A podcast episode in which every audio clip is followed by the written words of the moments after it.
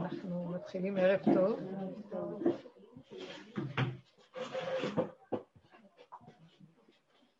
אז זהו.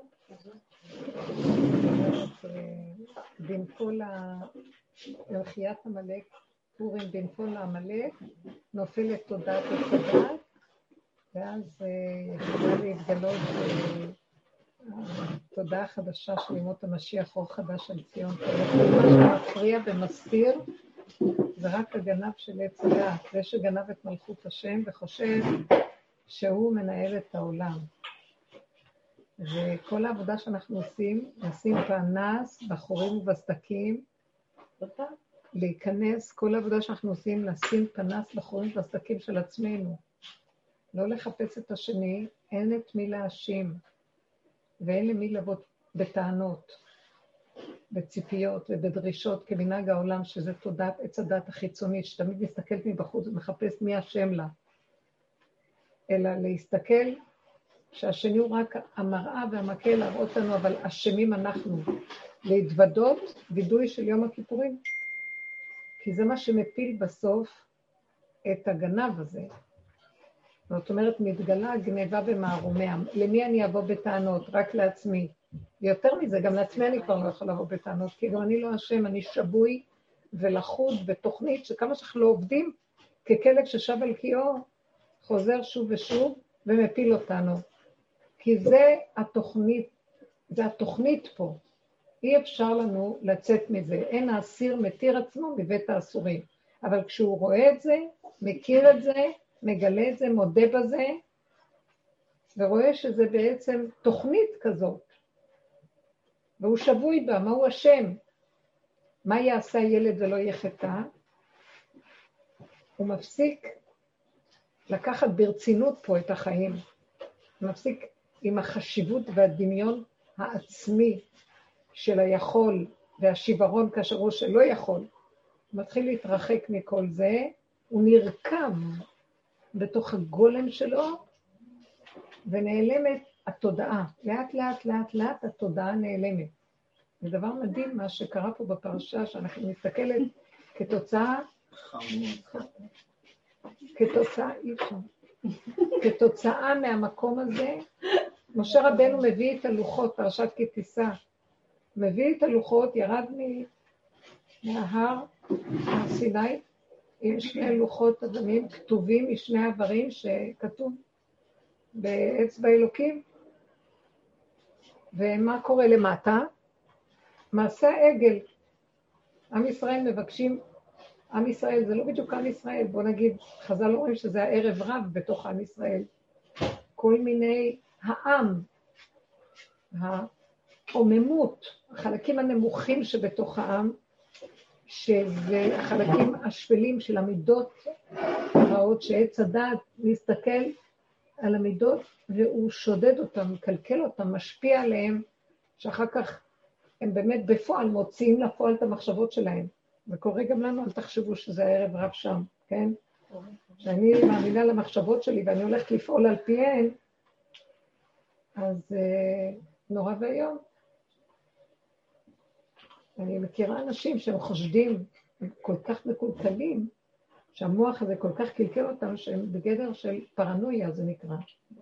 בגדר של uh, מחלת הרדיפה, הם חושבים שעושים להם, ששמים להם רעל באוכל, שמחפשים אותם ודווקא אה, זוממים עליהם, עד כדי כך זה מקלקל את המידות שהבני אדם משתגעים, וזה תודעת עץ הדת, והבן אדם עלוב, מסכן, שבוי בתוך הקליפה הזאת.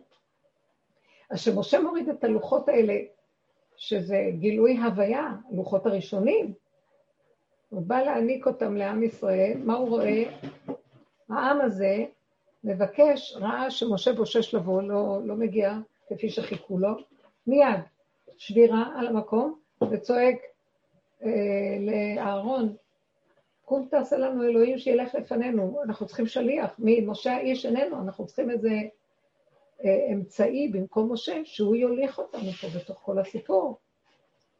ואנחנו צריכים הנהגה, מי, מי ינהג אותנו? אנחנו חייבים הנהגה. אז קום תעשה לנו הנהגה חדשה, קום תעשה לנו אלוהים שילכו לפנינו. הם לא התכוונו לעבודה זרה בהתחלה, אבל הם התכוונו לאיזה משהו מגושם, כמו משה, שזה אמצעי מגושם, בן אדם, משהו. ואז מה, מה עושה? הוא מבקש מהם את כל, הוא מנסה להשיג זמן או רווח. בכל אופן, לוקחים ממנו, הוא שם בתוך האש, חורט מזה ויוצא העגל. איזה דבר זה, מה שאהרון עשה? זו שאלה נוראית. מה, מה מצא לעשות כזה דבר? בוא נגיד, על פי הפשט, פחד שיהרגו אותו, כי הם הרגו את חור. אז מה, מה עוד נשאר? יכולים להרוג גם אותו. חור היה בעלה של מרים, הנביאה. אז מה יעשה? משה רבנו יורד, והוא שומע, אז רואים את העגל, זה אלה אלוהיך ישראל אשר העלוך מארץ מצרים, רוקדים סביבו ומשתוללים, אפשר להבין את הרמה הזאת בכלל. מה משה רבנו? תראו את הקונטרסט הנורא. הוא רואה את המצב הזה, לוקח את הלוחות, זורק אותם ושובר. הוא אומר, אה, בא בטענה לאהרון, מה עשה לך העם הזה שהבאת עליו רעה כזאת גדולה? אשר פרעו אהרון לשמצה. זה לא פשוט מה שאהרון עשה, לא? זה לא שאלה. אני לא יודעת, הדרך הזאת נתנה לי מבט עמוק להתבונן ולראות מפי השם, מאת השם זה מחשבה שהוא שם לי. משה רבנו הוא השושבין של הקדוש ברוך הוא, של שם הוויה, אבל הוא לא רק שושבין של דמיון של שם הוויה, הוא ממש, פנים אל פנים עכשיו מדבר עמו. הוא מדבר, עומד ומקבל את הנבואה. אין כזה דבר, לא קם נביא כמשה, שידעו השם פנים אל פנים, מדבר איתו. זאת אומרת שהוא כזה כלי, הכלים שלו, המידות שלו כל כך טהורות, והדעת שלו כל כך עליונה, מתיישבת לו על המידות, שההוויה יכולה להתגלות עליו והוא לא נשבר מזה, כי הכלים שלו חזקים, כי הוא נקי, כי הוא מזוכח, כי הוא פרק את תודעת עץ הדעת, והיא לא קיימת אצלו. באמת קראתי באחד מקום שמקובלים לפי שיטה מסוימת אומרים שמשה רבנו השלים את עצמו בשמיטה הקודמת, בששת אלפים השנים הקודמות. כל ששת אלפים שנה, גלגולים שונים. זה תוכנית הבריאה, כי ששת ימים עשה השם את השמיים ואת הארץ, והאם השביעי שבת ונפל, שש, ששת אלפים, ששת ימים, ששת אלפים של שנה. תוכנית ותיקון. אז הוא כל כך שלם, שהוא יכול להכיל את האור הגדול של הלוחות של שם הוויה. זה אור עצום. הוא בא, הוא רואה אותם מתנהגים ככה, תופס את הלוחות, שובר אותם. ואומר, ובא בטענה לארון, מה עשה לך העם הזה ש... ש... שהבאת עליו רעה כזאת? משה רבן, אה, אהרון מתנצל, אומר, אבל הם ביקשו ממני, אמרו שאתה לא, ואז מה יכולתי לעשות? אבל יש כאן משהו הרבה יותר עמוק. אם משה רבנו הוא השושבין של הקדוש ברוך הוא, כמו שיש חתן ויש לו שושבינים, נכון? אז אהרון הוא השושבין של השכינה. איפה יושבת השכינה? בתוך השלילה הכי גדולה, שוכן איתם בתוך טומאותם, ובכל צרתם לא צר. שוכן איתם. שכינה אמר לה, לכי מעטי את עצמך, נפלה לתוך הכיפות. יש גם שכינה בעליונים, עוז וחדה במקומו, אבל יש גם חלקים מאוד גדולים שנפלו כתוצאה מחטא עץ הדת, הכל נפל למטה. ואהרון הכהן תפקידו לנקות את הכלים. תפקידו במידות. הוא גאון המידות. הוא אוהב ישראל גדול, שזה קשור ללב, והמידות קשורות ללב. והוא גם הכהן הגדול שמשרת לפני ולפנים, משרת בבית המקדש. כמו הטבח הראשי, בית המטבחיים של השם. הוא מקריב את הקורבנות. בחצר החיצונה, שם היה מזבח הנחושת, שם היו כל הזמן מקריבים קורבנות, כמו אישה שבשלת במטבח כל הזמן. ואחר כך הוא גם מסדר את ההיכל ונכנס בפנים, וביום הכיפורים נכנס לפני ולפנים. ועבודתו היא לא עבודה של תלמיד חכם עם מוח, לא היה ספר אחד בבית המקדש. איפה, היה, איפה היו הספרים? בלשכת הגזית, איפה שישבו הסנהדרין, הם ישבו, לשכת הגזית הייתה כמה אחרי עזרת ישראל, מהצד ההפוך, כאילו, בין עזרת אנשים לעזרת ישראל, אולי אפילו לפני עזרת אנשים, אני לא בדיוק זוכרת, אבל זה היה לא בתוך המקום של עזרת הכוהנים ובית המקדש. זאת אומרת, הם ישבו כביכול מחוץ לעזרות. אז הספרים והדעת יושבת בחוץ, והטבח, המשרתים בקודש יושבים בפנים. השכינה, למה? הם מתקנים את הדעת, עדיין של עץ הדעת. אז, אבל אלו יושבים ומשרתים בקודש בפנים במידות. עכשיו, מה אהרון, אהרון הכהן עושה? אהרון הכהן רואה את העם שנמצא בתהליך ירוד מאוד. העם מלשון עוממות, מאוד דרגות נמוכות של העם, מידות רעות למטה. קום תעשה לנו אלוהים, לא ידענו איפה משה, אנחנו לא יכולים, פחדים, תעשה לנו. הוא יורד איתם, הוא מסכים להם, שמתם לב מה הוא? הוא לא בא להגיד להם, מה אתם עושים? תהרגו אותי, אני לא עושה כזה דבר. לא. הוא משתהה, הוא מת, מתהלך מפה, הוא לא זה שיוזם את זה, אבל מאחר הוא רואה שזה כבר מגיע עד אליו, הוא משתמש בזה כסיבה, הוא רואה את זה כסיבה שהשם קורא לו להיכנס איתם לתוך החושך שלהם. והוא יורד איתם ויורד איתם, כמו העבודה שלנו בעצם. רב אושר מבחינת הכהן, זה עבודת הכהן, מקריב קורבנות. מה אנחנו עשינו בעבודה בפנים, למטה למטה? הקרבנו את עצמנו, נשחטנו, זה קשה. הדוגמאות שהבאתם, מה שקורה לכם ומה שעובר עלינו. מי שרואה זה למות, לראות את עצמנו, איך אנחנו רואים, מה, זה אני? לא מאמינה שזה אני. אף אחד לא חושב מי הוא בכלל. מה שוכן בתוכו ערב רב? לא בחוץ, זה פה. והוא יורד איתם, הוא מסכים להם, ויורד איתם צעד אחר צעד אחורה ברמה שזה בלתי ניתן לתאר. רון הכהן הגדול, והוא מס, יורד לעבודת הפגמים, ומתגלגל איתם ומסכים איתם ויורד איתם לעומק, אני רואה את זה מעצמי. כשירדנו בעבודה הזאת, אם תלמידי חכמים הם מבחינת השושבינים של בורא עולם בעץ הדעת, בדעת, לנסות לעבוד, נכון שזה לא בדיוק כמו של רבנו, שהוא היה ממש הוויה, אבל הם בדמיון הוויה, אבל לפחות הם בגובה מנסים לצאת מעץ הדעת דרך השכל, בגובה, בהתגברות, בלימוד, בקדושה למעלה. אהרון הכהן, עבודתו הייתה בלמטה, לשחוט ולהיכנס פנימה לתוך הפגמים, לתוך האפר והאפר. ולמטה, למטה, למטה, שהוא נכנס לריקבון, עד הגועל, העגל. מעשה העגל זה הגועל של המידות. עד למטה, בזאת יעבור ארון אל הקודש. עד למטה, למטה, למטה.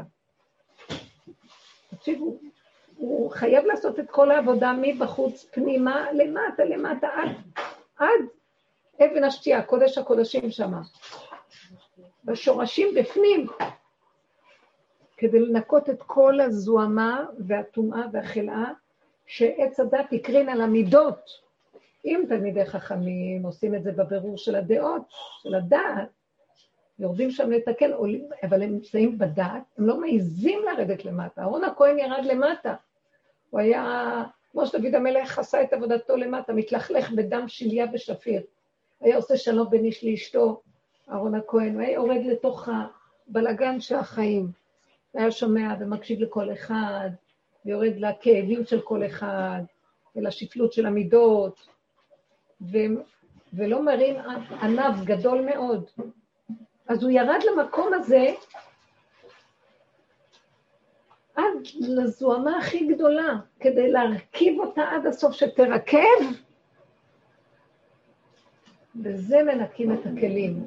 על מנת שהכלי, אחרי שהוא נרקב, עד הסוף. מתה התודעה, הוא נשאר גולם, אז אפשר להוריד עליו את הלוחות הראשונים, בלי שישברו אותו הלוחות. כי ברגע שמורידים אור כזה ואין כלים, מה קרה? עכשיו אנחנו מערבבים דברים, למה? כי מה שקרה בפרשה זה משה רבינו ראה את המצב הזה, שבר את הלוחות. והשם אומר לו, יישר כוחך ששיברת. למה? כי במצב הזה של הטינוף הזה, אה, האור הזה היה מכלה את כולם. כלומר, הוא היה גומר כליה על עם ישראל. היה כולם כמו סדום ועמורה, נחרב הכל. מרוב האש הזאת, והעובדה שקצת מזה, מהר שבר את הלוחות, אחר כך אמר ללווים, קחו איש חרב ותהרגו אחד את השני. כדי שלא יהיה חרון אף על עם ישראל. שלושת אלפים איש מתו ב... זה דבר. השם אמר לכם, השם אמר להרוג אחד את השני. מה השם אכזרי להרוג את עם ישראל? איפה נשמע מה זה השם שהוא אומר להרוג? את הלוויים, הלוויים הרגו אחד בשני, או לא הלוויים, הלוויים הרגו, שלושת אלפים איש. איש את משפחתו ואת, את אחיו. זה לא, זה הרחמים הגדולים של ההוויה, שההוויה היא חדה כמו תער, אמת לאמיתה, אין משוא פנים. וזה הרחמים הכי גדולים על האדם, שמיתתכם היא כפרתכם. כי אם אתם לא עושים ככה, גם הגיהנום לא יספיק לכם. אז כאן, כאן זה נראה אכזריות. אבל בכל אופן, אנחנו לא רוצים שככה זה יקרה גם, אנחנו רוצים שההוויה לא תכלה עם הרחמים, שהיא פשוט תאיר בתוך כלים נקיים. ועבודתו של אהרון אז, מה כתוב? כי פרעו אהרון לשמצה. אני, תמיד כשאני קוראת, אני אומרת, לשם צה. שיצאו מתודעת עץ הדת. מאיפה? אלה יוצאים מהמוח למעלה, ואלה יוצאים מאחורה, מהריקבון של תחתיות האדמה. זה העבודה שאנחנו עושים. זה עבודתו של אהרון, זה לא שם, זה עבודתו של אהרון, שזה העניין של הקורבנות, שעניין עבודת יום כיפור, זה הכהן הגדול. לפני ולפני ביום הכיפורים, עבודת כהן גדול, זה העניין של הווידוי דברים, אמירת האמת, הכרה בפגם, עד הסוף, עד שנועלים את עץ הדת, עד הנעילה, אין כלום, זהו, נגמר.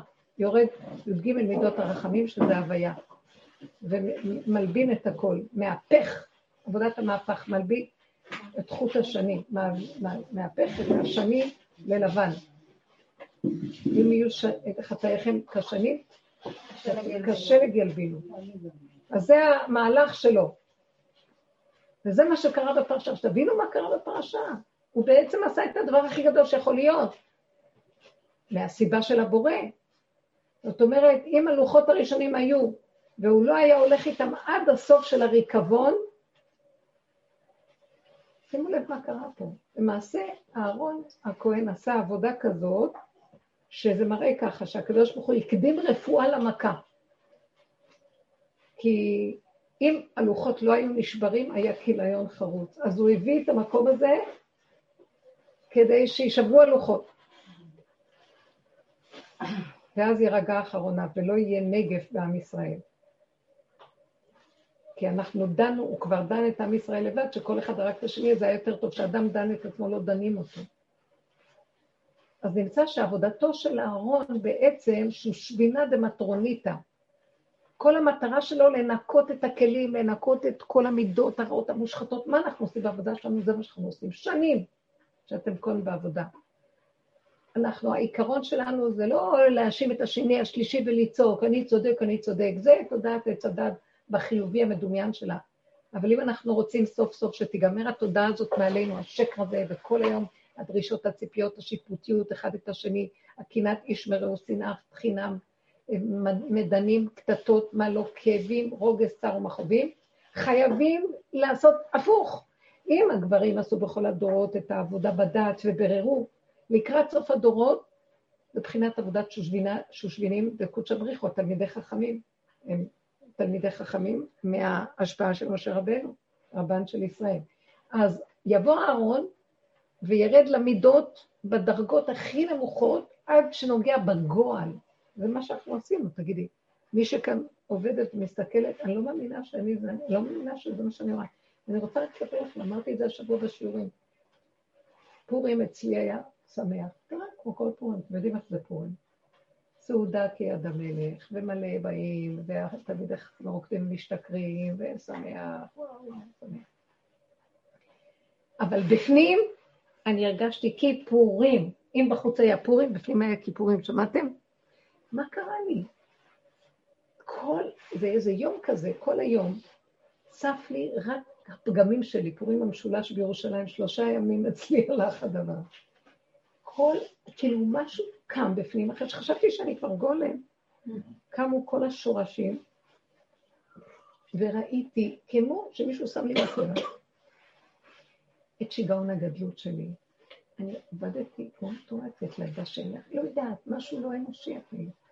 אה, מזל ששלחו לי איזה עזרה והיא עזרה לי. היא אינה ביתה אצלי. היא לא האמינה למראה עיניה מה הולך פה. לא, אני אומרת לעצמי, גדלות של הגאווה, אומרת לי, תעשי אצלי, יש לך, מה את עושה אצלך? מה? לא מסוגלת לעשות אצל הילדים שלי. למה? אני, אני את נקודה נכונה. קודם כל, אני רוצה שהם ידעו שכאן זה המעוז של האמת. דבר שני, אני אלך לשם, אז הם ישלטו בי, אשר ישלטו היהודים. זאת אומרת, תורת עץ הדעת החיובית, ואני אוכל ואשתה, ומה נשמע, מה נשמע, מה נשמע, ואני לא אוכל לסבול את החיים. אתם מכירים את זה שאי אפשר כבר לסבול להיות במקומות רגילים של אנשים, כי הם לא בשפה שלנו. אז לפחות אני משתגעת, ואני קמה במכינה ועושה וטורחת ונותנת, אז לפחות כל המציאות שלי, שאני, של התסכול שאין לי, אני לא בעולם האמיתי שאני רוצה להיות בו, אז לפחות אני פועלת ועושה ועושה ועושה כמו גולם שעובד בשקט לו, לפחות תוך כדי עבודה, ימות מזה, רק שלא ימות מזה, הבנתם? ככה זה, אין, אין ברירה, אין לך מנוס מה... יותר טוב הגיהנום הזה מהגיהנום הזה, בקיצור. וזה הסיבות, אז אני רואה את עצמי, שאני רוצה, אולי זה לא יספיק, כי אני רוצה לרצות אותם שיחליט, ראיתי את הריצוי, ראיתי את השיגעון הגדלות, ראיתי את ה... עכשיו, אני אחרי שלושה ימים שבקושי יכולתי לאכול מרוב, למה? כי כמה שאני כבר חשבתי שאני עובדת והגולם עובד ואני לא כלום, קם לי כל הלחץ והמתח של איך יהיה ולא יהיה וכמה יהיה ומה לא יהיה, והכל בפנים, בשקט, שום דבר לא יצא החוצה, ואני זיהיתי אותו יוצא עוד פעם. ואני משתגעת, אמרתי, איך יכול להיות? אני כבר מזמן לא שם, איך זה חוזר לי? בקיצור, ראיתי את כל הפגמים יום הכיפורים. אה, אני רואה, אני מתלבשת כדי שאני אראה יפה, עכשיו אני לובשת עקבים, ואני יודעת שאני שלושה ימים לא אכלתי, לא, תענית אסתר שהתמשכה שלושה, אין לי כוח לאכול שאני ב... ואז אני צריכה נעליים נוחות כדי, לא, לשרת, לעשות, להגיש, כי אני לא אתן להם לעשות. גם שואלים אותי, את צריכה עזרה? ואני אגיד להם, לא, שבו. לא מה פתאום, הכל בסדר, אני לא צריכה. למה?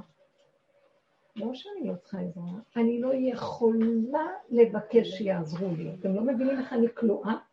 אתם לא מבינים איזה פגם זה? לא, אז אני כבר מבקשת. רק לא, רק את לא רוצה. אני אומרת לך שאני אבי אבות הפגמים ועמלק בכבודו ועצמו. אני... את לא מבינה מה את רואה, יוצא ויוצא ויוצא. ואני אומרת לי על הנעל שהיא מאוד לא נוחה, רק כדי להיראות יפה. מי רואה אותך בכלל? לא השד של הדמיון. שמתי לי על הפה, הפאה כזאת יותר גדולה כזאת, שעוד איזה כתר כזה שהוא כבד לי, והכל הפוך על הפוך על הפוך, הפוך על הפוך על הפוך. וכלום לא הולך לי, אני מושכת אותו מפה והולכת מפה וכולם באים. הקיצר, בפנים, בחוץ אני לא, שום דבר לא היה בחוץ. מישהו ראה את זה?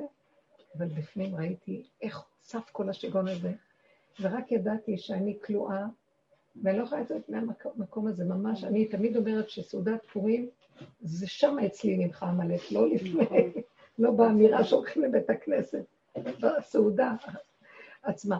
הקיצר שאני מתבוננת ורואה כל הפגמים צפים, ואני כלואה ואין מה לעשות, בתשישות ועייפות. ולחץ, ומשהו בנפש, אפילו לשבת לאכול אי אפשר, אי אפשר. אי אפשר לשבת לאכול, אני לא מסוגלת, כי כל רגע בא מישהו והצחה זה ולשבת, כלום. בקיצור, שאני רואה את כל הדבר הזה, ואני יורדת איתו עד הסוף, לפני שהלכתי לישון עוד, מישהי בחוצרת מתקשרת אליי, שחייבת שיחה, כי היא הולכת למות. אמרתי לה, טוב, ודאי, אני אעזור לך. אה, בשעה 12, אחרי שיגמר כל הזה, תתקשרי אליי, אצלהם זה שעה אחרת. בקיצור, אני בקושי כבר לא יודעת איפה אני, ותגייסי עכשיו את השפה האנגלית כדי לדבר איתה.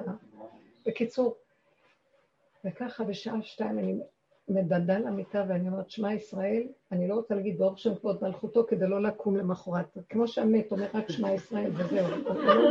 ברוך שם כבוד מלכותו, כי הוא קם לתחייה, לא רוצה לחזור. וידעתי שאני הולכת לישון, אני לא מסוגלת לחזור לעולם איתו, לא רוצה ככה, נגמר. או שתביא את עץ החיים או שתהרוג אותי פה מזה, לא רוצה את זה. קיצור, כאלה מדרגות, זה ריקבון. אז הוא הציף את כל הריקבון הזה עוד פעם. ואני יודעת שזה היה בדיוק, זה כל עניינו של פורים. כשאסתר נכנסה למהלך הזה, זה כמו אהרון הכהן, אסתר בעבודתה, ואהרון הכהן בעבודתו אותו דבר. היא נכנסה לחושך לפני ולפנים עד הריקבון, הגועל הכי נורא שיש. זה מעשה העגל, שאהרון היה קשור אליו. וכשהוא הגיע למקום הזה, יש מהפך.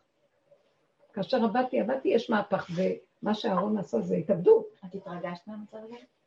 לא, לא היה לי כוח להתרגש. גם כשהיא אמרה כאשר עבדתי, עבדתי, היא לא התרגשה. אף אחד לא יכול להתאבד כשהוא מתרגש. זה כבר אחרי ההתרגשות.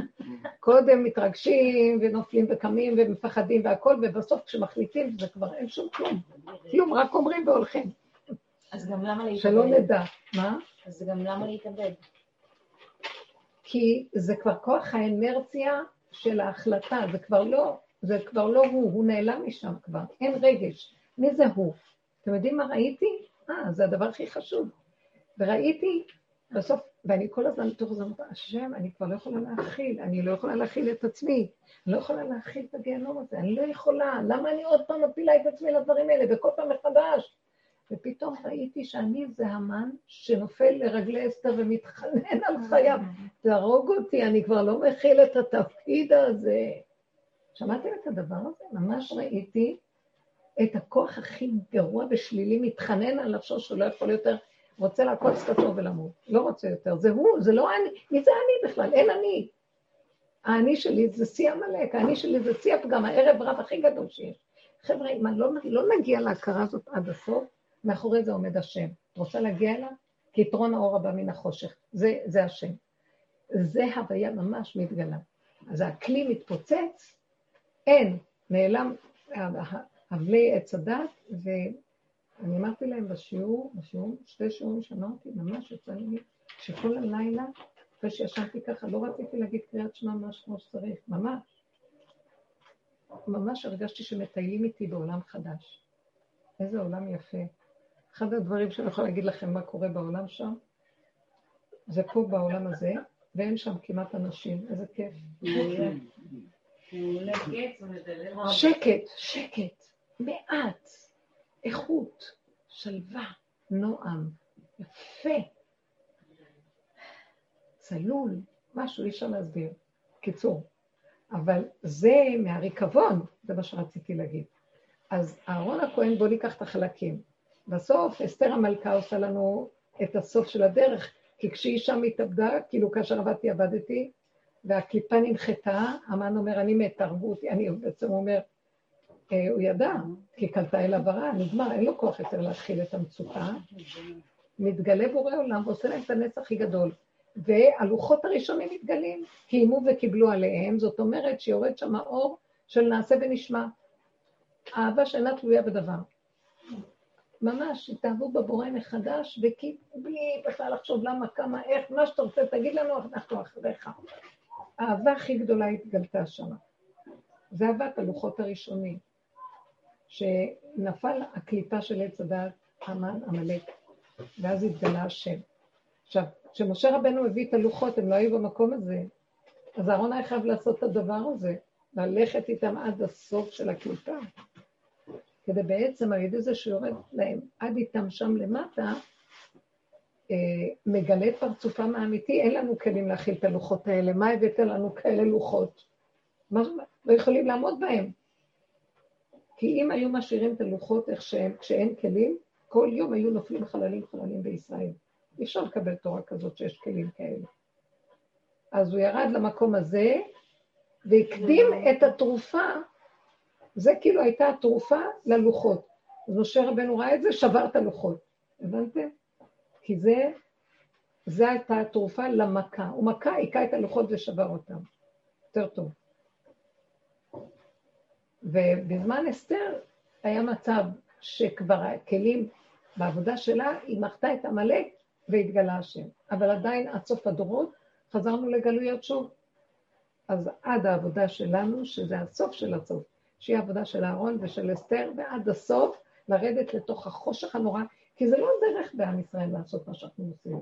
בעבודת הגלויות הם הלכו לפי המוח, לפי הגדלות של המוח, ולפי הקדושה, ולפי החיוביות, ושושבנים של הדמיון של הוויה.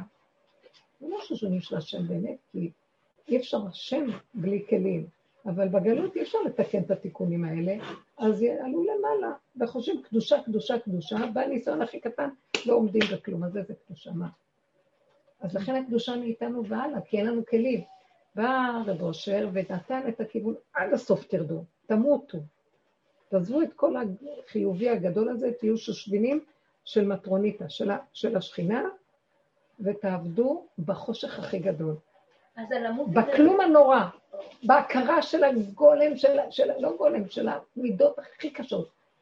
ואת נשברת לראות את עצמך ככה, כי את עוד מזהה שאת זה הם. לא, בסוף את רואה כמה שאני לא אעבוד, הם חוזרים. זה לא אני, זה. זה האני, זה האני של עץ הדת. לכן אמרתי לכם, ראיתי את העמלק אומר אני רוצה למות. כי הוא כבר לא יכול להכיל. באמת הוא מסכן, גם הוא בסוף, אה, רק יש, הוא עושה איזה תפקיד בהצגה הזאת. בהצגה, זה עלילת דברים. וזה מעשה אהרון. אהרון אפשר שעם ישראל לשם יציאה, לשמצה מעץ הדעת, שיגעו בריקבון של עצמם, ויצאו מהצד השני, ירקבו בתוך הטינוף. יהפך כולו לבן טהור, מצורע, עד הסוף. זה המהלך שלנו בעבודה. סוף, סוף הדורות, אנחנו עושים את העבודה של הסוף, תדעו לכם. העבודה הזאת, אנחנו גואלים. אנחנו גואלים, העולם הולך בגאולה. אתם לא רואים מה קורה בעולם? זה תהליך של הסוף. זה תהליך, חכו, אל תתבלבלו מהעולם. ואני נותנת, ממש ברור לי, מה שאני אומרת לכם עכשיו, שזאת האמת לאמיתה. אסור לנו להתערב במה שקורה היום בעולם. אל תתערבו בכלל. זוזו החוצה ואל תתערבו. אל תביעו דעה בעד, נגד. לא, יש קורונה, לא. לא, מה פתאום, הם קונספירטוריים, הם באים עלינו במזימות. לא זה ולא זה. כי זה עץ הדעת החיובי וזה עץ הדעת השלילי. מה לנו וכל זה? בואו נרד אחורה, אחורה, אין לנו מה להגיד. מה נעשה אם צריך? נראה, ברגע שנצטרך נדע, סיבה תראה לנו מה לעשות. אם יצטרכו, יעשו את זה, לא צריך, לא צריך. לא צריך ללכת עם דעות, לרדת מהדעות, חיובי, שלילי, אני נגד, אני בעד, אני זה, לא צריך כלום, שקט. לכו החוצה, אלה שעובדים בעבודה, אסור להם להתערב ואסור להם להיות שייכים לרשות הזאת בכלל. רק החוצה, החוצה, החוצה, שערו בגולם, השם ירים אותנו, הוא יכסה אותנו, יעטוף אותנו ויקח אותנו לכדור חדש. זו תודעה אחרת שיורדת והיא שומרת. היא עוטפת את הבן אדם, היא לא באה מהמוח בכלל. היא לא באה מהמוח. אז מה לעשות? אני לא יודעת. עד שזה יקרה אתה לא תדע. פעם שאלתי את רבו שם, מה אני אעשה כשזה בטח? אתה אומר שתגיעי לשם, תדעי כבר לבד מה לעשות. וואו. הרבנית, אני חייבת לספר לכם משהו. כן. אני חייבת לספר כן, לכם משהו. ספר. אני שבוע שעבר יצאתי מפה בוכה, זוכרת?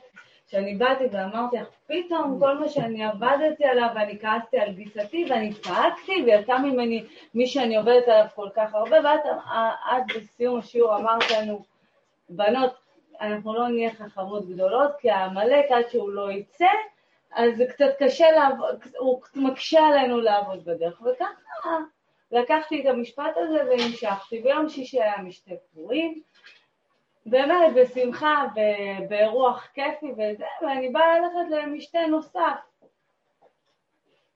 תופס אותי כאבי בטן, משהו שבחיים לא חוויתי, ברמה שאני לא יכולה לתפקד ואני לא יכולה לדבר, ו- והצלחתי לצאת מהבית שהתארחתי בו והלכתי לבית אחר ושם עוד פעם הכאבי בטן ואני יושבת בשירותים, אמרתי אולי בשירותים, אולי...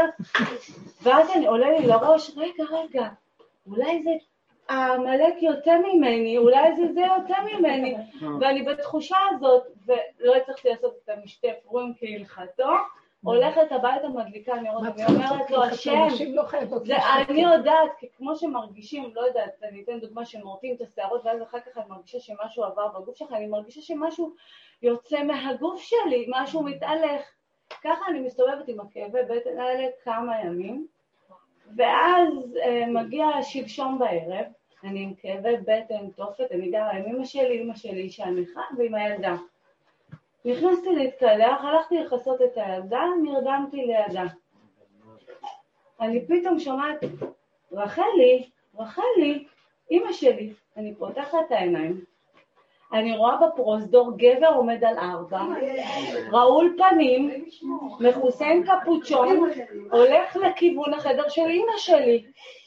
הרבנית, אני נשבעת לך, שום דעת, אני העפתי את השמיכה, ומי שלא רוצה שתסגור את האוזניים, אני קמתי עליו בריצה, קמתי עליו בריצה והתחלתי לקלל אותו, אני אהרוג אותך היום, היום אני רוצחת אותך, אני רוצה...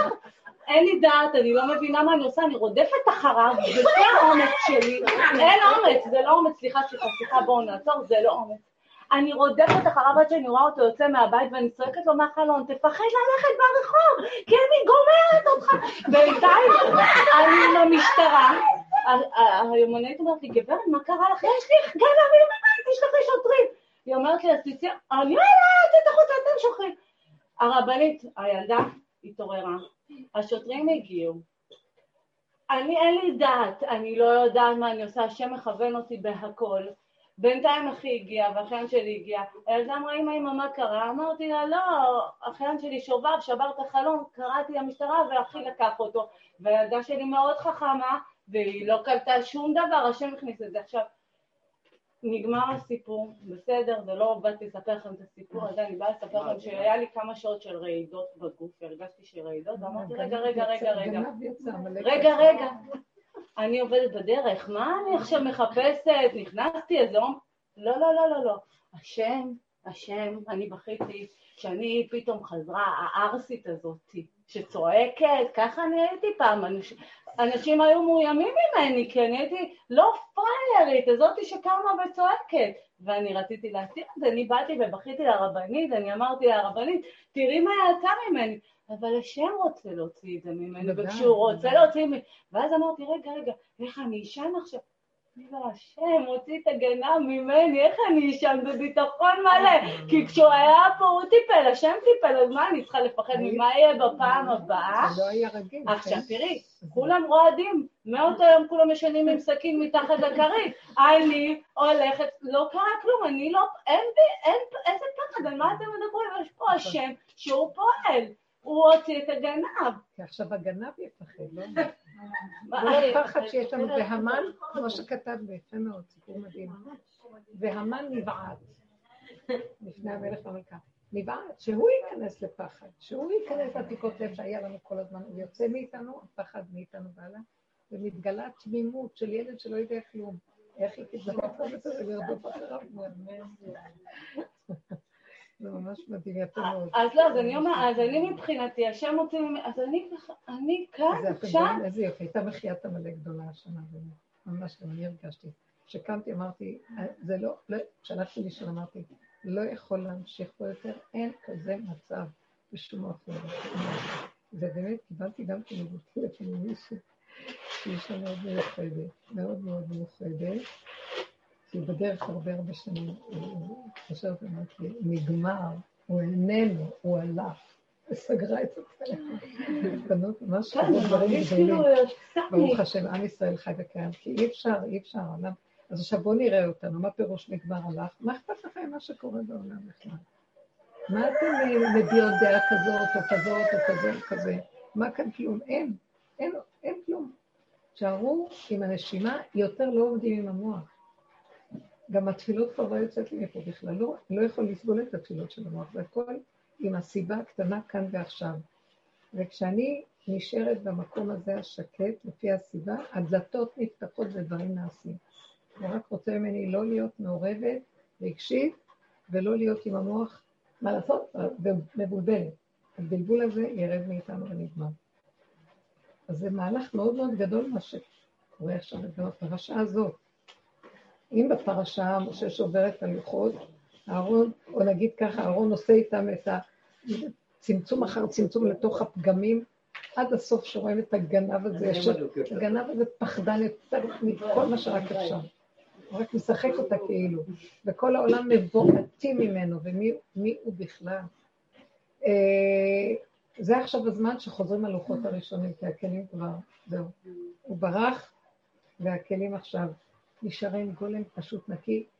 אני אגיד לכם, ההוכחה הכי גדולה שהעבודה נעשתה זה שנגמר לנו הפחד. שמה? נגמר הפחד. הפחד הוא מלווה, הוא, הוא התכונה הראשונית של, של מציאות האדם. כי הבורא זה אהבה, ואדם, ברגע שהוא יצא מהבורא, נברא מהבורא, הוא נזרק החוצה, אז כבר נהיה פחד, כמו תינוק שיוצא אמו ומפחד. אז הפחד מלווה אותנו מיסוד מציאותנו. עכשיו, הפחד הזה, הוא לא נעלם, הוא הופך לפחד של אהבה, יראת הרוממות. כאילו, פחד ורחב לבבי, כי אנחנו רואים שהכל זה בורא. וואו. אנחנו מלאים בהתפעלות של פרפור מרוב של, מה, אני עשיתי את זה? זה לא יכול להיות, זה בורא עולם. יש חי וקיים, הוא עושה את הכול. זה ככה עכשיו הולך להיות. זה כבר לא פחד המבעית של החטא ועונשו. נעלם החטא, נעלם עונשו, נעלם הכול, נשאר גולם. ילד קטן שהוא לא יודע, הדעת גורמת לפחד. מוסיף דעת, מוסיף מכאוב. אין לו דעת, ילד קטן הולך ככה, אבל לא רואה שיש בור, הוא לא הולך, הוא רץ, וזה שתי ידיים מזיזות אותו, לא... יש איתו ניסים ונפלאות. וזה רואים את זה בחוש. זה לא יאומן, ככה עכשיו זה יהיה. אז בואו ניתן לבורא עולם להתגלות ושינהיג אותנו, כי אין דבר אחר. אבל בתנאי שהמוח סגור. אין מוח לכיוון הזה. בואו ניתן דוגמאות עוד פעם למוח הסגור. עכשיו זה כבר לא עבודה, זה כבר קורה לבד. הלוואי. כן, מאוד יפה. לכן יש לך אה, מדהים. ראיתם, ראיתם מה, מה אהרון הכהן עשה? הוא לקח את עם ישראל, את השיפיות של עם ישראל, וירד איתה עד הסוף. לקרימינליות הכי גדולה שלה, ומשם התהפך והתגלה בורא עולם, נלכה עמלק. רק אלה יעשו מחיית עמלק, אתם לא מבינים?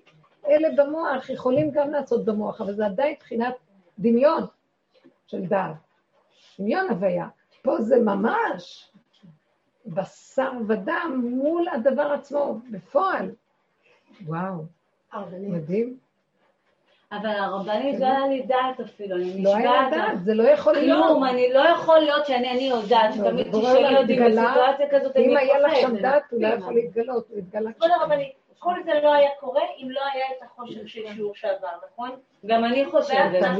והחושך אם לא היה חושך של של- של- והחושך של הפעם הקודמת. שיעור שעבר הוא בעצם האור הכי גדול. נכון. כי זה מה שנתן... כאשר מודים בנקודה, כאשר מודים, אני. תקוע, ובסוף השיעור. כביכול בסוף השיעור אני מתכוונת, היא הסכימה, כן. ואז זה בעצם הקצה של האור. נכון? ההסכמה, זה עבודת יום הכיפורים, ההסכמה לאין אונים, לתקיעות, לקרימינליות, למה לא, וזה מה אני, אה, זה מה שאני. כן, אין בעיה. אין שחיטה יותר גדולה מזאת. הנה אהרון הכהן והקורבנות. אין שחיטה יותר גדולה מזאת. אנחנו השוחט, אנחנו הקורבן שנשחט, ואנחנו המזבח בעצמו. כבוד הרבנית, כן, הייתה תקופה שאנחנו חיינו בלונה פארק. אמיתי אבל. זה היה, זה היה אורות מטורפים. כן, נכון. לא, לא, זה, זה עד עכשיו. כן. אני רוצה להסביר לא, משהו. באמת, אחרת לא היינו את מצליחים. כל הזמן את זה. אמרת, את כל הזמן אמרת שאנחנו בנות מלך ושזה יבוא עד אלינו. וזה באמת בא. אני אומרת, אם אפשר לעשות איזה קומבינה שם, שנגיע לשבת בלי היום שישי. הרבנית,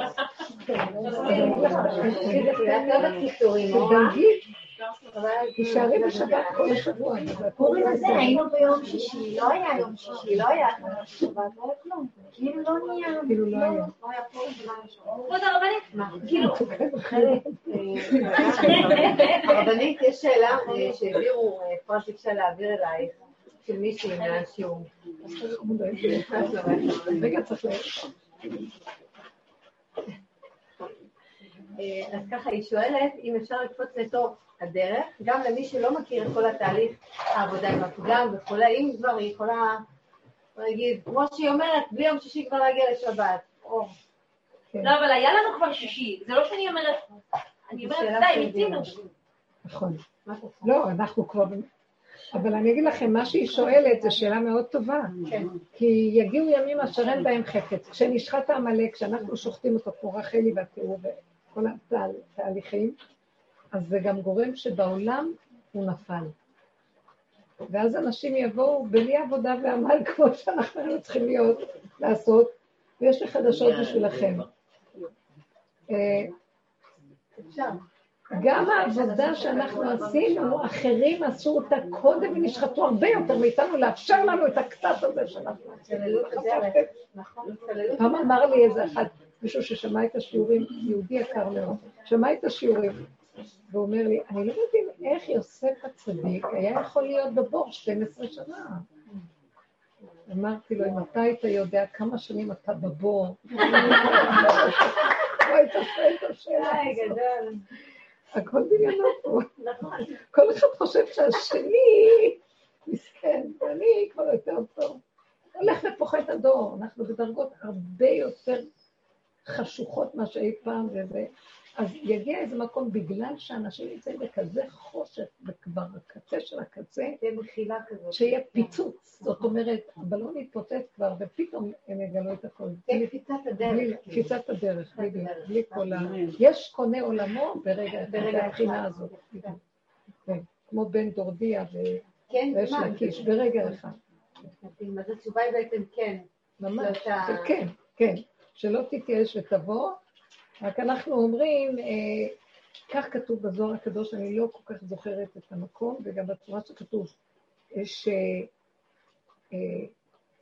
אה, דומה זה שנכנס לאור ומהאור הוציא את האור, לזה שנכנס לחושך ומהחושך הוציא את האור. וואו, וכל הבריאה נבראה כדי שזה יקרה התהליך הזה, שמהחושך, כי, כי יתרון האור הבא מן החושך. לגלות את השם ואת כל האמת שנמצאת דווקא בתוך החושך. זה לא כמו רבנית, זה לא כמו... זה התהליך של אהרון הכהן. משה ואהרון? וזה, מה? כן, כי משה בא מהאור. ואהרון בא, הוא כאילו כמו האינדיק, הוא יורד למטה לחושך. נכון. משה, אבל משה גם הייתה לו את העבודה שהוא הגיע לזה, הוא לא סתם הגיע למקום שלו, גם כולם עוברים את אותו תהליך, כל אלה שבאים לשלמות שלהם באמת, באמת, זה המקום הזה. רגע, יש כאן שאלה, מה את אומרת? למה אנחנו צריכים לדבר עדיין במושגים של אור וחושך? כאילו זה שאלה... כי השפה הזאת תוקעת אותם. יש לך מילה אחרת להסביר את מה שאנחנו רוצים להגיד? כל עוד אנחנו, עוד מעט, עוד מעט נדבר את השפה של התרנגולים והכבשים פה. וכולם הבינו מה התכוונו.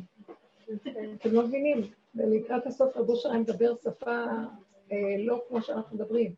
הברות. גיגה, בודה, וזה היה נראה שפה. מדבר, מדבר, מדבר. פעם הייתה לי חוויה כזאת, שהייתי במין מצב כזה, שפתחתי את הפה ודיברתי שפה, ואני לא יודעת מה היא הייתה. אבל הייתה שפה. זו השפה החדשה. יש שפה ברורה, יש שפה 71, אני קוראת לספר שיצא השפה 71. זה החידושים של השנה האחרונים. זה לא דרך טבע השיעור, צורת הדיבור. עדיין משתמשים בשפה הזאת, כי אין לנו, אבל זה בכל אופן מושגים אחרים. אפשר להגיע לנקודה שכשאנחנו נמצאים בחושך, נהיה במודעות ולא נתרגש, ואז בעצם זה יהיה אור. שנחווה את החושך, כי אנחנו צריכים אותו בשביל האור. כאילו ברגע של ירידה, נהיה במודעות ונזכור שזה זמני. זה כבר הבשר רואה את זה. אז זה מה שכאן חנה מודעות זה דעת. שהאור והחושך כבר לא יהיה, לא יהיה להם משמעות אצלנו. ונחווה מהבשר את הדברים, אז לא יהיה מושגים בבשר של אור וחושך. יהיה כזה דבר, אני הולכת לעשות משהו, נתקע לי. אני אומרת, טוב, חוזרת אחורה, אז איזה חושך יש פה? לא, מה זה החושך? עץ הדת. וואי, לא הולך לי, למה זה חשוב לי? אני תקועה. הגולם מסכים להכל. הוא מגיע למצב שהוא רואה שתקוע, אז הוא נעצר, הוא מבין שזה בורא עולם. נפתח לו, הוא מבין שזה בורא עולם. הכל רואה בורא עולם. אז מה, מה אכפת לו אם זה ככה או ככה או ככה? הבנתם? זה הבשר. אין לו את הדעת שמגדירה, זה כן וזה לא, ספריית עץ הדעת טובה. זה ככה וזה לא ככה. אין דבר והיפוכו. יש ככה וזה בסדר, והכל מושלם. אחד משלים את השני והכל בסדר. ואין יתרון לזה על פני זה. השתוות הצורה. הבנתם? זה השפה החדשה מתחילה להתגלות. שקט, לא אכפת לנו. מה אכפת לי? בגלל זה אני חוויתי, אנחנו חווים את זה. בגלל זה בפורים שצף לי עוד גם... אה, איך הוא החיה? איך המת הזה קם לתחייה? מה? מה קרה? ובגדול, זה היה בפנים. ובאמת ראיתי את הסמיכות של יום הכיפורים לפורים, בפנים יום הכיפורים, ובחוץ פורים. אף אחד לא רואה עליי כלום. כלום. רק אני. כל רגע בא לי, תראי, תראי, תראי את הגאווה שלך, תראי את הרשעות והגדלות, תראי את דקדוקי עניות, תראי את. אה, מסתכלת, לא, אני אומרת, ריבונו שלם, ועכשיו אני יודעת שזה כבר לא אני, זה לא אני, זה קליפה כזאת, ואין לי מה לעשות, אבל היא צפה לי לגמרי, ואז בגלל זה יכולתי להיות בחוץ עם היום פורים, כי כבר לא התרגשתי ממנה, אבל בכל אופן היא הציקה לי. הציקה לי. כי היא רדפה אחריי, והיא גם, היה לי ממנה כבד. הרגשתי את הכובד של המעמסה. כאילו, כמה אני עושה, עוד פעם התחילה למדוד לי את העשייה, וזה מה שמקשה. המדידה של המוח, לא הדבר שאת עושה בכלל. את צריכה לעשות בלי להרגיש כלום. פתאום יושבת עליך, כמה את עושה? כמה זה? מה כוחך? גדלות? דנה ושופטת ומקטלגת ומגדירה, והיא שוורת, הבנתם? וקמה לי פתאום, כי כבר מזמן אמרתי לי, תגרי את המוח, לא יודעת כלום וזהו. כל פעם שמתחיל לכם זה תרגיל טוב, מתחיל איזה קושי, מתחיל איזה מצוקה, עכשיו תגידו, אין כלום, אין כלום, איך שזה ככה, הכל בסדר. אל תיתנו הגדרה, אל תיתנו פרשנות, אל תיתנו משמעות, אל תיתנו וזהו. כשמורידים את המוח מזה, המעמסה נופלת. כי מאיפה המעמסה באה? מהדמיון, שהוא חושב שהוא מרים משהו שק, והוא לא מרים כלום, והשם עושה את הכל, ורק הוא חושב שזהו. והדמיון שחושב שזהו, זה המעמסה. וואי, כמה כבד.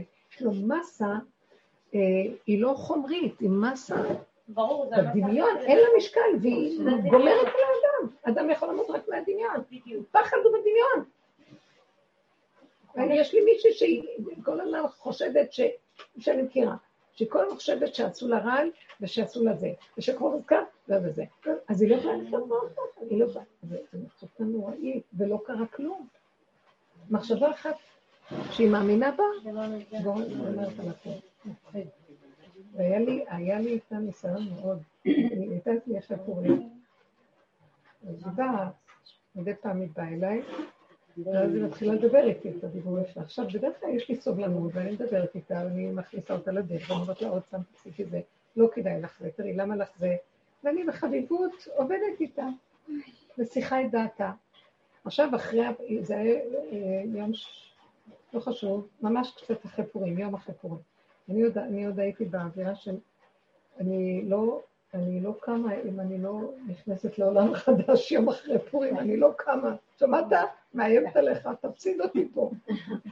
בקיצור, היא באה והתחילה, להתקשקש, ואני מקשיבה לך אה, חמש דקות, עשר דקות, אני צועקת עליה. תפסיקי לבזל את המוח. נכון, קוצר, קוצר. קוצר רוח שלו, נורמלי, ואז אני צועקת עליה. תפסיקי לשקרה שלך, תוציאי, תצא. ואז ממשיכה. את לא, את לא רוצה, אני מסכנה. משוגעת, מה לא דיברת איתה? את וכל, כיוונתי לה מלא קצת, את וכל הדמיונות שלך, וכל השקרים שלך, וכל המסכנות והרחמנות, את קליפה, פו, פו, אמרתי לה, שו! אני מסתכלת עליי ככה, אני צועקת עליי, אני לא יכולה לטפל בך, שמעת? אני לא יכולה לטפל בך, יותר אני לא מטפל בך, אני לא מטפל, אני, אין לי כוח, שמעת? שמעת? עכשיו, הנה הדלת, תצאי, תצאי, תצאי. זקוקה לזה, הייתה זקוקה לזה. עכשיו, תקשיבי, הסתכלה עליי כאילו, לפחות הפסיקה לקשקש, אני דיברתי ככה, כאילו, רגע, אמרתי לה, תגידי, אחרי שמכינו אותו ומתנו, את רוצה להכניס לי אותו מהזווית של הקרן, את הדבר הזה? זה לא, איך כזה, והזר הקרב יומת, את לא נכנסת פה לדיבור הזה, אתה שומעת? אין לך חמנות עליי, אין לי. כי הייתה צריכה גבול. בקיצור, מה את רוצה שאני אעשה? לכי לשטוף כלים, תעשי את הרצפה, גם חלמי לי טוב, שמעת? ירדתי עליה עד הסוף.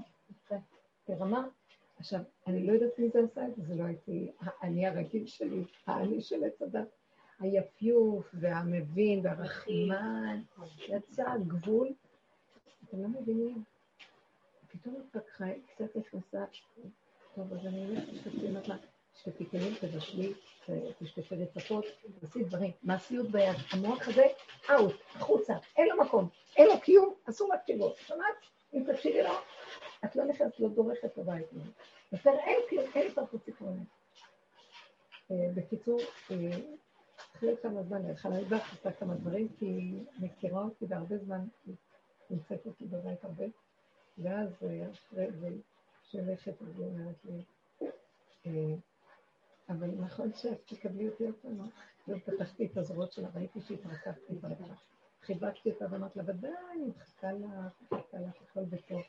היא לא הפסיקה להתקשר עד ארבע, חמש פעמים, להגיד הצלת אותי, הצלת אותי, הצלת אותי, את לא יודעת מה עשיתי, את לא יודעת מה עשיתי. כי פשוט... אז זה לא הגיוני. זה הגבוליות שלא יכולה כבר להכיל את השקר שלנו, והמסכנות שלו. ועכשיו אני לא מדברת עליה, כי כל רגע זה יכול לצוץ עוד פעם פה, ואין לי כבר סבלנות לכלום. ואני אומרת תן לי להרוג כאשר אתה תדעתי, נמאס לי, אני לא רוצה את זה. שם בגבול הזה יש ישועות. הגבול שלנו, וצריך לכבד את הגבול הזה, והוא הישועה שלנו, ואין ישועה אחרת. ולא הסובלנות של המוח, של נכון. והצדקות, של החיוביות ולימוד הזכות, נכון, אהבת ישראל. אין לי אבל לאף אחד, רק לעצמי. תגידי רגע אחד אני אמור, רק אני בעולם. עכשיו רגע, לא להגיד לכם, בתודעה החדשה, אני ראיתי שרק אני בעולם. אני צריכה ללכת בעולם, וראיתי שלקחו אותי למקום החדש, רק אני בעולם. והעולם שלי נהג ונהג, אבל אני לא רואה עולם, אסור לראות עולם, לא מדינה ולא להסביר לעצמי במוח, זה המדינה, זה החוק, זה... לא, לא, לא, לא, לא רק, לא, רק את מה שאני צריכה, רגע כמו תינוק קטן יצרי, שהולך ונפתח לו ולוקח ומקבל והולך, ולא יודע מה נעשה בעולם, מה זה קשור אליו? מה זה קשור אליו? עכשיו, אם הוא צריך לעשות פעולות שהוא צריך שיעשה, הוא נתקע שיעביר את זה לשם, אני לא יכול. זה מה, מה, לא יכול. עכשיו, ככה הוא חי בעולמו, רק הוא יחידי בעולמו של הבורא. והוא עומד מול הבורא, והעולם, מה קשור אליו? זה של בורא עולם. שיעשה עם כל המיני מינים וכל הסגנונות שיש פה, מה שהוא רוצה, מה זה קשור אליי? אז למה? אז מפסיקים להתרגש, מפסיקים להתרגז. מה קשור אלינו כאן כלום? שמעתם אותי או לא? תלכו ככה, די, זה אור חדש מגיע. תפסיקו לשים לב מה קורה. ואל גם תתעלו. איזה זכלים, מה הם עושים? לא עושים, אנחנו מבקרים אותם, דנים אותם, אומרים מה הדעות עליהם, זה קונספירציה, זה לא, זה כן, עזבו, לא זה ולא זה. זה שרואה את הקונספירציה, וצועק את הקונספירציה, וזה, גם הוא הולך נגד. וזה אומר, לא, תשימו מסכות, אנחנו נציל אתכם עם החיסונים הזה, גם זה. זה נבלה, זה טרפה, אין כאן כלום. אני אגיד לכם, זה לא שאין נבלה או טרפה, חלילה. הצורת חשיבה הזאת היא נבלה או טרפה. צריך לפרק את הכל ולא לתת שום אנושות לשום דבר. לא רוצה להיות שייך לכלום. לא רוצה להביע דעות. זהרו מדעות. תזהרו מה, מהמוח והפרשנות שלו. תלכו בפשטות קיומית, תצרי את מה שאתם צריכים, שלום וזהו. תראו איזה ישועה הייתה לה מהיצריות שלה. היא הבריחה את שם, זה גנב איזה מת מפחד, ברח ברחובות. אני חושבת שעד עכשיו הוא מפחד. בחיים הוא לא יעבור ברחוב. זה קשור למשפט שאמרת חמת אדם... צודק. כן, נכון, זה קשור, זה בדיוק זה. אה, גם רב אושר הביא את הפסוק הזה, אה, כי בתהילים, כי שארית חמות תחגור, כי שארית חמות תחגור, קודם חמת כי חמת אדם תודקה, שארית חמות תחגור. חמת האדם תודקה. הרוגז של הבן אדם, הקרימינליות שלו, תגיד לו תודה בסוף.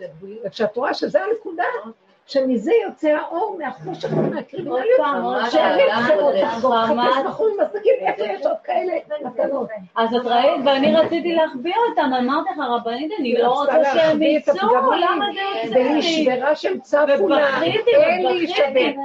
זאת עבודה קשה בפנים, כי האגו לא מוכן לראות את המצב הזה. רוצים להיות יפים, יפייפות של עץ הדעת טוב, ומקסימום מה שמצייר אותנו, השני אשם והשלישי, וחשבונאות, ורק לא, ואנחנו בסדר. אה, כי צדיק אני, כי חסיד אני, אבל מה עשו אחרי יוסף? בסוף הם הגיעו לנקודה שהם ראו, כ- אבל אשמים אנחנו. כל העניין והעיקרון זה יום הכיפורים, להודות בפגם, וגם לא להישבר בסוף. בשנים האחרונות, בנעילה, אני רק צוחקת. אני אומרת לו, ננעל, כבר אין, כבר כוח להתרגש, מהפגם אין לי. כי אין לי, כי אני לא יכולה. כי זה יחזור שוב ושוב, ואני לא אשמה, כי זה התוכנית הזאת, בצורת החיים איך שזה נראה, ומה יעשה ילד ולא יהיה חטא, וזהו. אז התוכנית גורמת, ומה אני אבוא בטענות? מה אנחנו קיתלונו עלינו? וגם אני לא באה בטענות להשם, אני פתאום קוראת את המפה שזה התוכנית שלו, הוא רוצה רק תצחקי בסוף. בגלל זה הוא מעביר אותך את הכל, והוא לא יעזוב אותך עד שתצחקי בסוף. הוא לא יניח לך, הוא אוהב אותך. אז אם הוא חוזר וחוזר וחוזר, אני אומרת לך, כל כך הרבה עבודה זה חוזר, אומר כן. עשית עבודה כזאת, צמצם. אז זאת כבר, את לא מאשימה את השני, את רואה שזה את. אבל את נשברת כשאת רואה שזה את. טוב, אז את קמה ואת כבר לא נשברת כי את רואה שזה לא את, זה זה. טוב, אבל בכל אופן את אומרת, את כבר לא יכולה לסבול את החיים. עד שלא תהפכי את הכל לצחוק, אני לא ארפה ממך מדרגה לדרגה לדרגה לדרגה. כל דרגה אני רוצה דרגה עוד יותר עמוקה, עד הכיליון החרוץ. ריקבון, וזה מה שאמר אהרון, אשר פרעו אהרון לשמצה, לשם צה. השמצה הזו, אדם רואה את השמצה שלו עד הסוף. מי הוא? הוא לא יכול להחזיק מעמד, מתפוצץ לו בלון, נכנע, וזהו, נרקב, והוא יוצא מעץ הדעת. באיזה צורה?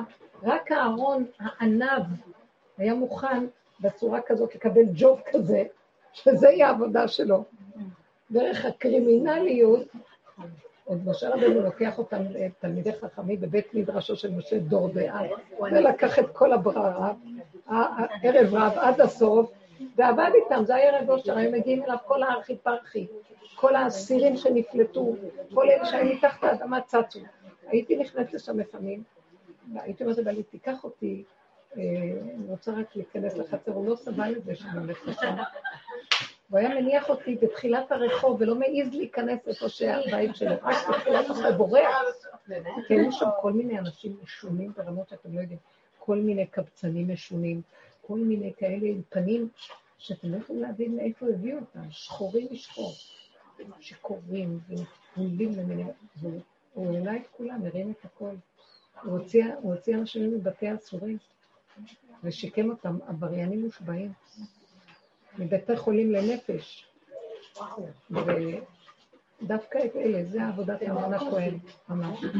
זה לא נורמלי, כי הוא נשחט עד הסוף, יכול היה להבין, הוא היה קם לנשים מופקרות שבאו ממחנה יהודה. נשים המופקרות שבאות ממחנה יהודה, הוא היה קם להם מרוב כבוד. וכשהיה בא איזה אדמו"ר עם הגולה של כל התלבושת, והאויזנזופן והבקית של כל הכובע והגולת זהב, היה צועק עליו, אתה יודע מה זה צער השכינה? כל אחד דיבר לפי מידתו. כל אחד והשפה שהיא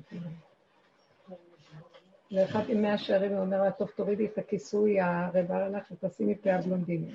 ואחד שהגיע אליו ככה ככה אמר לה, תפתחי כפתור ותשימי פאה. הוא ידע מה כל אחד צריך בתיקון שלו, ואחד לא יכול להגיד, מה הוא אמר לך, אז אני גם אעשה מה שאמרתי, כל אחד זה משהו אחר. יסוד האמת לאמיתה, אין אחד דומה לשני, ואין רגע דומה למשנהו. והאמת מתחדשת ונעדרת כל רגע עם משהו אחר. זה היופי שלה. זה גילוי השם. אין, אין שני לו ואין רגע דומה למשנהו. וזה גדלות הבורא, מישהו יכול להבין אותו בכלל. אנחנו אומרים השם השם, כי אנחנו רק יודעים להגיד מה שפתיים, לא יודעים מי שלא עובר את החושך הנורא ומת וקם וחי ומת תחיית המת ועוד פעם ועוד פעם, יהיו כמה תחיות המתים, יש כמה תחיות, תחייה ראשונה, תחייה אחרונה, אז הוא לא יכול לדעת מה זה השם, אין כזה דבר, זה דמיונות. ואנחנו בגלות יושבים עם הספרים ומרחפים בדמיונות. עם ישראל כבר רווי בייסורים, אבל מאחר ואנחנו מרחפים, אין לנו אה, הערכה של הייסורים, ואז מוכנים עוד ועוד לסבול. כאשר כבר אין כוח לסבול יותר, אז די, אם היינו באמת חיים את המציאות שלנו בבשר, לא היינו מוכנים ככה עוד לסבול. והיינו אומרים, די, נמות ולא יכולים. זהו. בכל דבר קטן שכבר אני לא, לא יכולה, אני אומרת, אני לא יכולה. כאשר עמדתי, מיד אני מתערבת, אין לי בעיה. רק לא לחיות ככה. אתם לא מבינים איך זה, זה פועל, כי זה הגבול של האדם. ואין הקדוש ברוך הוא בא בטענה לבריאותיו. המוח של עץ הדת זה אוויר אינסופי, חלל, חמישים אמה יושב על הענפים עץ גבוה, וכל זה אינו שווה לי, ומדומיין שיש לו עוד כוחות, וכוחי כוחות, לא סתם. ולא נגמר התיקון הזה, בואו נגמור אותו, עם הגבול, ואין כוח ודי. זה טוב, זה טוב, זה מה שהשם מחכה, ורק אלה יעשו בסוף את התיקון. לכן אני פתאום חשבתי למה משה רבנו התעקש להוציא את הערב רב. השם אמר לו, אל תוציא את הערב רב. ההוויה באה מצד הניקיון, התואר הפשוט. ואילו משה רבנו התעקש דווקא לקחת הערב רב איתו. כי רק הם, מהם יש להם כזאת קרימינליות, שאם הם יחזרו רגע בתשובה, הם ישיבו את כל, יעלו את האורות הכי גבוהים שיש מלמטה למטה, ויעלו את השכינה עד מדרגה העליונה. יש קונה עולמו ברגע אחד. אבל לא הייתה טעות להוציא את הערב רב? זה לא טעות, אם הוא הוציא אותם ככה זה צריך להיות. אבל נשאלת שאלה, השם אומר לו לא, מה הוא יודע יותר מהשם? אני אגיד לכם משהו. השם ברא אדם, נתן לו בחירה ונתן לו את כל צרור המפתחות בידיו. ומחכה שאדם ינצח אותו. זה היה משה רבנו. ניצחו מבניי. אבל זה לא היה עוד אז, כי רק בסוף הדורות, בסוף הראו שבסוף הכל, עם כל היצורים שעם ישראל עבר, הכל לתכלית ולתועלת, שדווקא מאז יצא מתוק. ואבן מעשו הבונים הייתה לראש פינה. ומכל החושך הנורא והקרימינליות הכי גדולה, מזה יצא יתרון הכי גדול. אז זה לא ניכר בהתחלה, ועץ הדת לא נותן לנו לראות את זה, כי הוא לא סובל, הוא כל כך צדיק, הוא לא סובל. אבל באמת, באמת, אה, השכינה נמצאת במקומות הכי נמוכים, ויש שם אורות כאלה נפולים וצריך להרים אותם. ורק הקרימינל הוא כמו האמצעי שדרכו אנחנו יכולים לרדת למטה, אחרת לא היינו נמצאים במקומות האלה. אז היה צריך רבב כאמצעי לדבר הזה. כי אנחנו לא צריכים להיות רבב, אנחנו אמצעי לדבר. זה כמו החיסון שאמרת. איך? זה כמו החיסון שאמרת, שיש בתוכו את המחלה עצמה. כן, בדיוק. הפגם עצמו נמצא ביתרון, החיסרון נמצא ביתרון, וכתוצאה מזה שנוגעים בזה, מזה נהיה האור הכי גדול. זה דבר, דבר והיפוכו, זה... כי במה אני יודעת שזה השם? שאני אומרת, זה טוב, הרע הוא לא נמצא ברע, אז מי ברע? הכל הוא ברע. אין זה, אין אתר פנוי ממנו, ואין דבר שהוא לא נמצא בו. הוא לא ברא את הרע, הוא ברא את הפוטנציאל של זה, אבל מאחר ואנחנו התגשמנו ונפלנו, אז העבודה שאנחנו עושים מעלה אותנו לשורשים היסודיים של הבריאה, שהכל הוא ברא, אין דבר שזה הוא לא ברא. יש את המשפט הזה, הרע כיסא לטוב, רק של הבעל שם טוב? איך? הרע הוא כיסא לטוב. כאילו, כיסא לטוב. מתוך הדבר הרע. כל, העבודה הזאת היא עבודה של דוד המלך, היא עבודתו של שם טוב. כל הצדיקים ש... זה אור שבעת הימים, זה האורות הכי גבוהים שנפלו במקומות הכי נמוכים, ולכן צריכים לרדת למקום הכי נמוך כדי להחזיר את האור של הלוחות הראשונים. אז לכן המעשה, מה שהתחלתי את השיעור, המעשה של אהרון הכהן היה חייב להיות. אנחנו מסתכלים עליו, מה הוא עשה שם?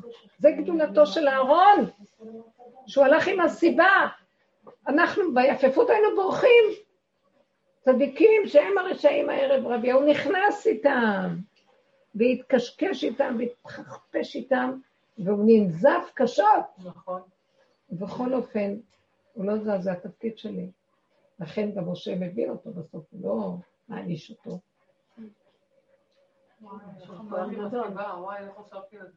בטח, דיברנו על זה בהתחלה, שאת לא... דיברתי הרבה באריכות על זה, בעזרת השם. בעלון זה יהיה כתוב. את מי הוא לא העניש? תארון, כי כי הוא פרעו לשמצה, ואני אמרתי לשמצה, לשם צה, הוא הוציא אותה מעץ הדת דרך המידות הרע. פשוט דרך הקרימינליות, עד הסוף פרק את הכל. והדרך הזאת באים אליה התחתיות. זאת אומרת, יכולים להיות אנשים מאוד ברמה פה, אבל חושפים לנו את התחתיות שלנו, לא את המעליות. כי המעליות זה גם דמיונות. רק התחתיות שנוגעים בהן, בסוף אני מזהה שכל המעליות שלי זה הדמיון הכי גדול שלי בעצם. אין אמת יותר גדולה ממה שיש באדמה למטה. פשטות, אמת, שלווה של חירות. נגמרת המאוימות מהגבהות של הדמיון, של הכל יכול, והפחד שמא יראו שאני לא יכול. אין כפייתיות יותר גדולה מזאת, ואין אה, חרדה יותר גדולה מהמאוימות יותר גדולה מהדמיון הזה. זה העבדות והתגלמותה. זהו, אנחנו, הדרך הזאת מחסלת את זה, לאט לאט. לאט לאט. זה בין תחומים. איך? זה ממש בין תחומים. כן, ממש. זה עבודה. כל הריצוי הזה, כל החלקלקות, כל היפייפות, מתחיל להתערער. כן. מה עושים עם כוח להזמין גם בפיפיפי, אני לא שומעת אותך, תורידי את ה... מה עושים במצב שאין כוח יותר ואין יכולת ואין אפשרות בין כל ה... כל הנתונים שהיו לפני עשר ועשרים שנה. כל מה? להזמין עשרים וחמישה איש לא לילה צריך, לסדר. לא. מה עושים? תראי, מה אני אגיד לך, את אה, לא כזאת? אה, את קרימינלית יכולה היום. להזמין את כל הילדים שלך הרבנית? ואת כל הכלות ואת כל הנכדים אני? לא יכולה כלום, את לא מבינה שזה השד, והשד, כשאת מסכימה לו נהיה השם, אז מה נעשה? השד מתהפך? להשם. אז מה נעשה? אז מה נעשה? את מה תעשי את ומה אני אעשה אני? תגידי, מה אנחנו נעשה, באמת? כן. תגידי לו, אני לא יכולה, אתה רוצה, תפתח את התעשייה. בואי, את רוצה שאני אענה לך? את- את הולכת במוח ואת מפרידה. המוח שלך מפריד. אני לא יכולה. תמשיכי, תגידי, אני לא יכולה. אבל אתה כל יכול. אז למה את סוגרת ב"אני לא יכולה" והולכת לישון? חצי דרך. אני לא יכולה, אבל מה נמצא ממך בורא עולם? אם אני עושה ארוחה לשלוש, אני אעשה ארוחה לשמונה. זה אותו דבר. המוח שלי מקטין לי את הכוחות. אז המוח מיילל. תלמדי להעלות את עליו ולהגיד לו, כך, המוח הזה, אתה יכול לשלוט. תשלח לי סיבות. אני לא ארדוף אחריהם לבקש, אבל אם הם יתקשרו, אני לא, אני לא פניתי אליהם שיבואו אליי הטוב. למרות שכבר הם רגילים שהם באים. ואמרתי, אני לא פונה לאף אחד מה קורה השנה. אז מישהי התחילה, שלא חשבתי בכלל, מחותנים. טוב, תגידו, בני המשפחה שלי, יש משפחה גדולה. המחותנים מפה ומחותנים מפה מתקשרים. פורים אצלכם, ולא רק אנחנו באים, נביא עוד כמה זוגות של המשפחה. עכשיו, ראיתי שאני כולי ערער, אבל משהו סגר לי את הפה ואמרתי, אם אתם אמרתם, אז אתם באים, זהו. מה זה קשור אליי? אז רק הם אמרו לי, אה, לא, מה הם אמרו לי איזה משהו, ואז אני אמרתי להם, קטן עליי, כאילו, לא ידעתי איך להסביר את זה. אמרתי לבורא עולם באירוניה, קטן עליי הסיפור. ואז אמרתי לו, אתה רואה איפה אני נמצאת? כאילו, העמלק שלי, מה, זה גם משהו, אה, עוד שמונה, עוד עשרים, עוד חמישים, אה, שבע. אחרי, אני יושבת אחרי רגע וצריך להתחיל לעשות משהו, ואז את מפרפרת. והמוח הוא המפריע, כי ראיתי, אני לא חושבת, וזהו. ואפילו הייתה לי מחשבה להזמין קייטרינג, אולי אמרתי לכם, כן. ואז אמרתי לרגע, אני ממש רציתי, והייתה איזו סיבה, שמישהי הייתה אצלי ואמרת, תבדקי כך וכך וכך, אז אה, היא אומרת לי, יש לי רכב.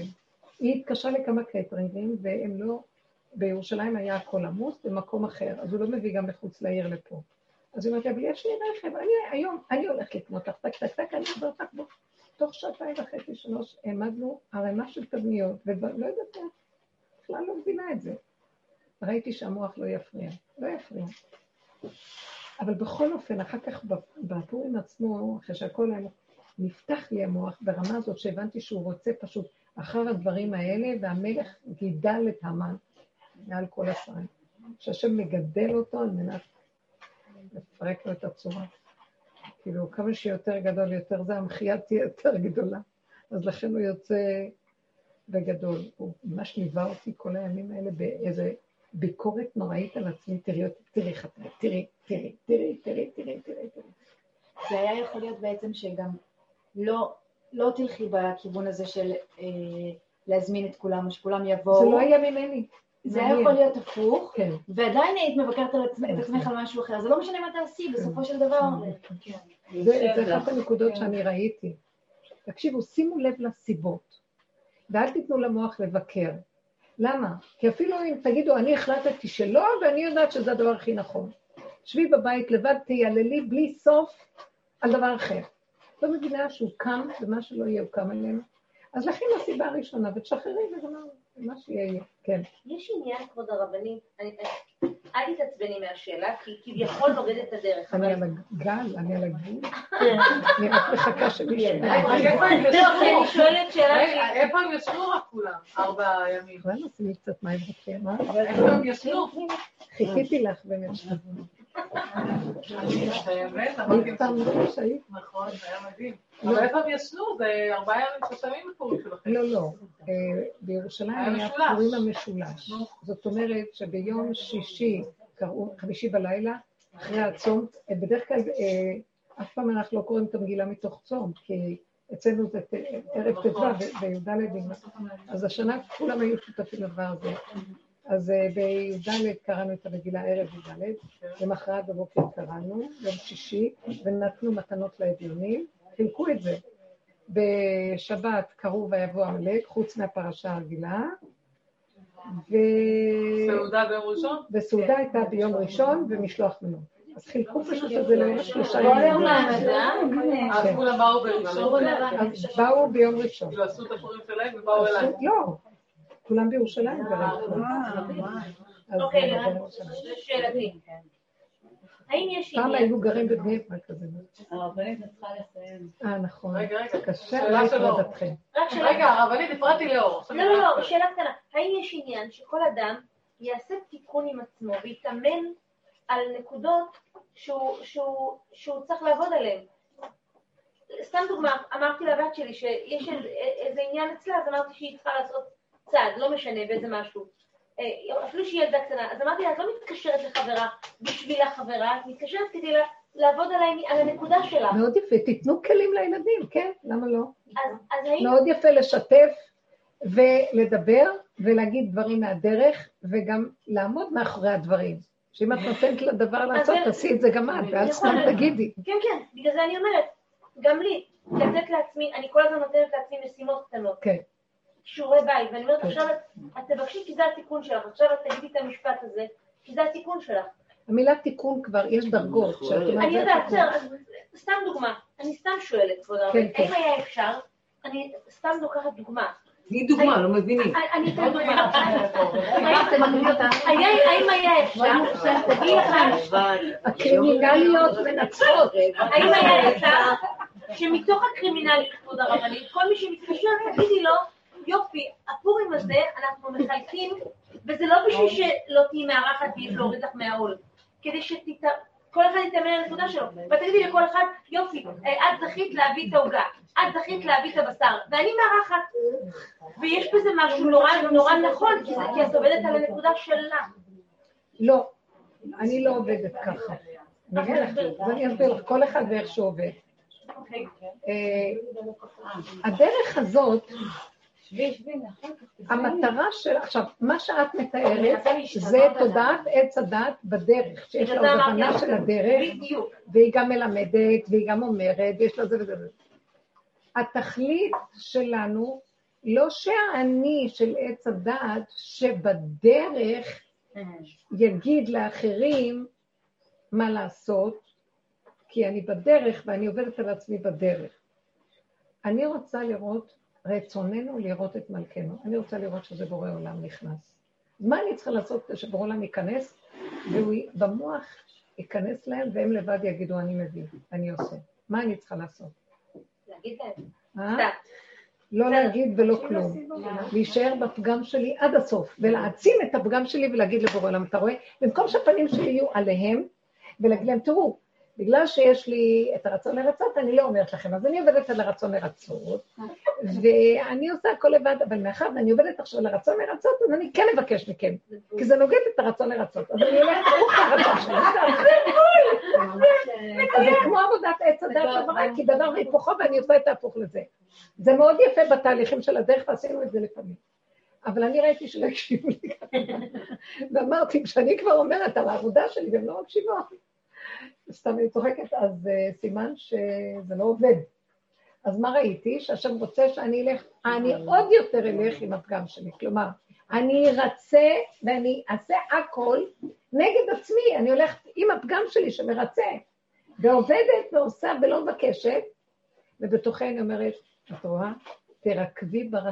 בריצוי שלך, תרקבי בגאווה ובגדלות. כמו שראיתי את המן צף עכשיו, תראי את השיגעון של הגדלות שלך, תראי את זה ותראי את זה ותראי את זה. ואמרתי לו, אבאלה, זה מה שאני רואה. מה זה קשור מה הם יעשו, לא יעשו? מה זה קשור זה לבחור? מה שאמרתי, זה לא קשור אליהם, זה קשור בשבילי. אבל בשבילי אבל את עוד מנסה... זה לא לסדר פתרונות איך שהם יעזרו לי, תוך כדי שאני עובדת על עצמי. זה לא. זה לא קשור לשני בכלל, רק אליי, ואני עוד יותר מעצימה שאני תקועה, כל כך תקועה. בטח שאני יכולה לעשות תנועה ולבקש מכולם לעשות את זה בכוחנות, ומה שאני רק עושה אני אעצים.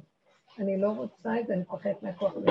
אני רוצה לפרק אותו לרסיסים ולמות שם, ורק אז הוא מתגלה והוא ישנה אותם. ואת רואה את השינוי, אתם מבינים את הדבר הזה? זה כל התהליך של העבודה הזאת. לגלות את השם שנמצא בתוך הבריאה. ועל מנת שהוא יתגלה צריך להיכנס לחושך היותר גדול ולהסכים ולא להישבר ולא להתבלבל ולצחוק, ובשביל זה צריך נרבים ומוח מאוד חזק. הרבה יותר חזק מעץ הדת. כי עץ הדת כל רגע הוא נשבר לי ומתמסכן ומתבכן. תראו מה עשו לי, אני מסכן, אף אחד לא רוצה לרחם עליי, לא עוזרים לי, מה זה פה? ההיגיון של עץ הדת, כאילו, אנחנו צריכים לקחת את זה ולא לתת מוח לדבר הזה. ורק ללכת ולהגיד, אני תקוע, תקוע, תקוע, תקוע, תקוע, רק אתה תראה. ועל זה אמר רב אושר אומר דבר יפה. ראתה שפחה על הים מה שלא ראה יחזקאל בן בוזי הכהן. כשאנחנו מוכנים לרדת לשפחתיות ולשרת את כולם, בלי טיפה של מרמור, בלי טענות ומענות, בלי להגיד, מה, זה לא הגון, מה, חושבים להם, אני פראייר שלהם, אני פראייר, אני אעשה, אני מוכן עד הסוף ללכת, אבל אני משרתת אותך, לא אותם. אני הולכת עם הפגם שלי. שם המתהפך ושפחה רואה על הים מה שיחזקאל לא ראה.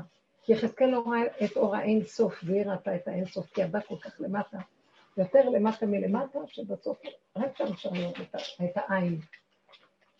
שהעין מתגלה.